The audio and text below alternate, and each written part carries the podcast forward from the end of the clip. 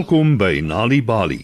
Dis tyd vir 'n storie, 'n tyd waarin ons allerlei plekke besoek en verskillende mense ontmoet. Vanaand se storie is Pindulu en die pampoen. So spit julle oortjies so soet kindertjies, want hier is die storie. Die son lyk soos 'n klein ryp span spek in die lug, hoog bo kan Pindulu se kop. Hy hou daarvan om deur die bos te loop en te luister hoe die voëls in die bome sing.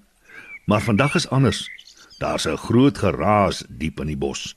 Dit klink soos 'n argument. Pindulu volg die geraas totdat hy by 'n oop kol in die bos uitkom.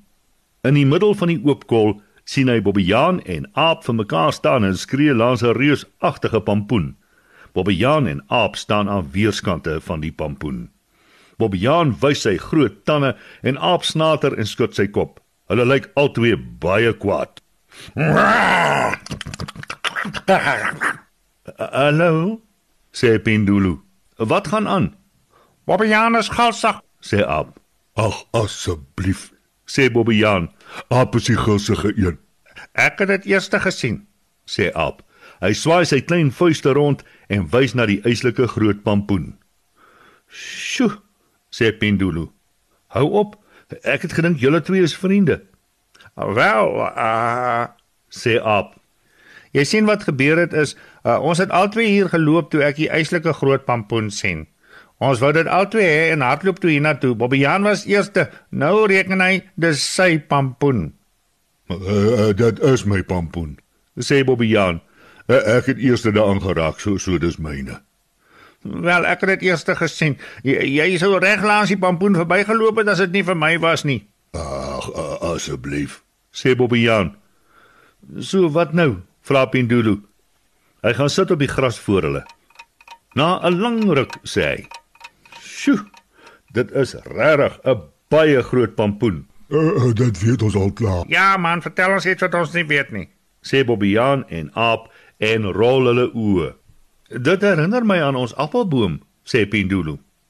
"Julle appelboom?" vra Aap verbaas. "Waarvan praat jy, Pindulu?" "Wel," sê Pindulu. Net verlede jaar het die appelboom in ons tuin so baie appels gedra dat elke kas en mandjie in ons huis vol appels was. En hoeveel appels ons ook al probeer eet het en hoeveel pastye ons ook al gemaak het, daar was nog steeds te veel vir my, my mamma en my tatta. Dis amper soos met julle pampoen. Wat ek wil weet is, wat gaan ons doen met die pampoen? vra Aap. Ek weet nie, sê Pindulu. Maar ek kan julle vertel wat ons met die appels gemaak het. Uh, uh wat? vra Aap. Ons het 'n partytjie gehou. 'n 'n 'n partytjie? vra Bobbejaan. Dis reg, sê Pindulu. Ons het 'n groot partytjie gehou. Ons het almal genooi. Daar was vriende en bure, goggos en oupas, niggies en neefs. Ons het ons huise versier met papierlinte en ballonne. Mamma het haar spesiale appelpastye gemaak en Tata het heerlike koel vrugtesap gemaak van die ouer appels. Ons het saam speletjies gespeel en gedans. Ons het regtig baie pret gehad en almal het geëet totdat hulle versadig en gelukkig was. Ek is mal oor partytjies, sê Aap. Uh, ja, hoekom ho, ho, hou ons nie 'n partytjie nie? Stel Bobbejaan voor. 'n Goeie idee, sê Aap. O, o, ons kan die pampoen deel en dit saam eet, sê Bobbejaan. Dis wonderlik, sê Pindulu glimlaggend. Bobbejaan gee Aap 'n groot druk. Uh, uh sal jy na ons partytjie toe kom? Vra Aap vir Pindulu. Baie graag, antwoord Pindulu. Bobbejaan en Aap glimlag gelukkig. Toe maak die drie vriende die eislike groot pampoen gaar. Elkeen maak iets om te eet. Aap bak 'n pasty.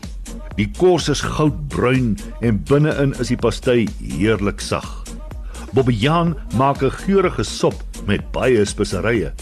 Pindulu braai pampoenkoekies met kaneelsuiker. Hulle het nou wel nie papierlinte of ballonne nie, maar hulle speel speletjies en sing liedjies en eet net soveel pampoen as wat hulle wil. En sommer gou daag die ander diere op. Olifant bring soet marulas en neute. Kameelperd daag op met bottels bruiswater om saam met die heerlike kos te drink. Selfs vlakvark is daar met smaaklike soetpatats. Almal deel hulle kos en drink goed. Almal lag en gesels en eet en drink saam totdat die son laag in die lug hang soos 'n groot, ryp spanspek. Weet jy dat deur tuistories vir kinders te vertel en te lees help om hulle beter te laat presteer op skool? As jy nog stories wil hê om vir jou kinders te lees of vir hulle om self te lees, gaan na www.nalibali.mobi op jou selfoon. Daar sal jy heelwat stories vind in verskeie tale. Jy sal ook wenke kry oor hoe om stories vir kinders te lees en met hulle te deel sodat hulle hulle volle potensiaal ontwikkel. Story Power bring dit huis toe. Besoek ons op www.nalibali.mobi of kry Nalibali op Facebook en mix dit. Die Nalibali byla met pragtige stories en heelwat aktiwiteite is beskikbaar in KwaZulu-Natal, Sunday World, Engels en isiZulu. Gauteng Sunday World, Engels en isiZulu. Vrystaat Sunday World, Engels en Sesotho. Weskaap Sunday Times Express, Engels en isiXhosa. En Ooskaap The Daily Dispatch en The Herald Donderdag, Engels en isiXhosa.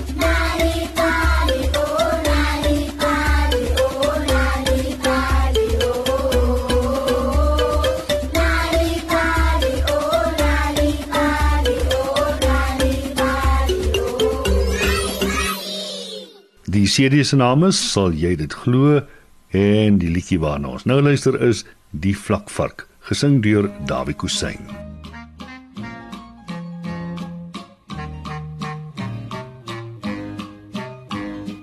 As jy versigtig sal oplet en kyk sien jy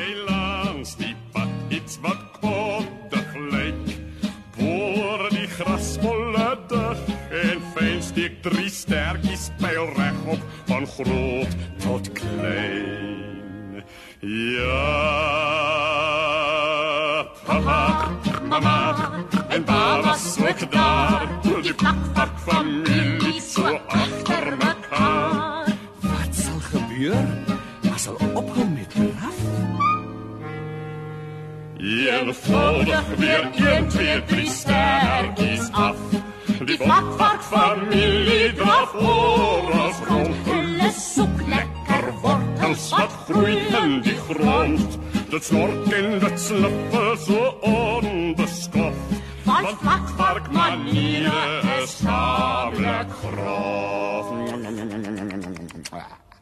Ja,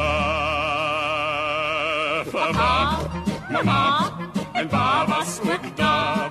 Die vakvark familie so agter mekaar. Wat sal gebeur as hulle ophou met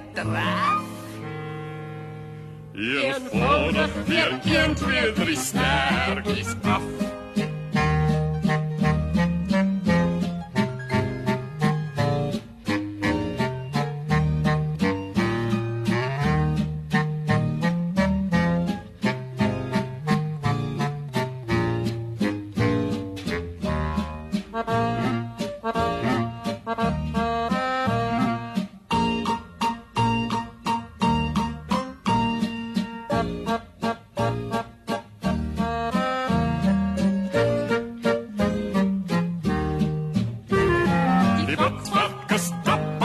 Hy's moedig en hy al die diertjies gee pad, want hy lyk nog so kwaai.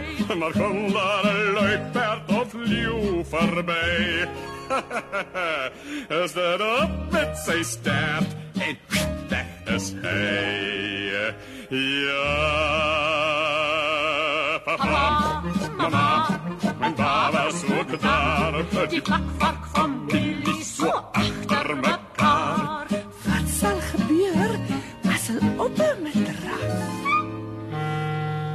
Eenvoudig weer 1, 2, 3 sterkies af.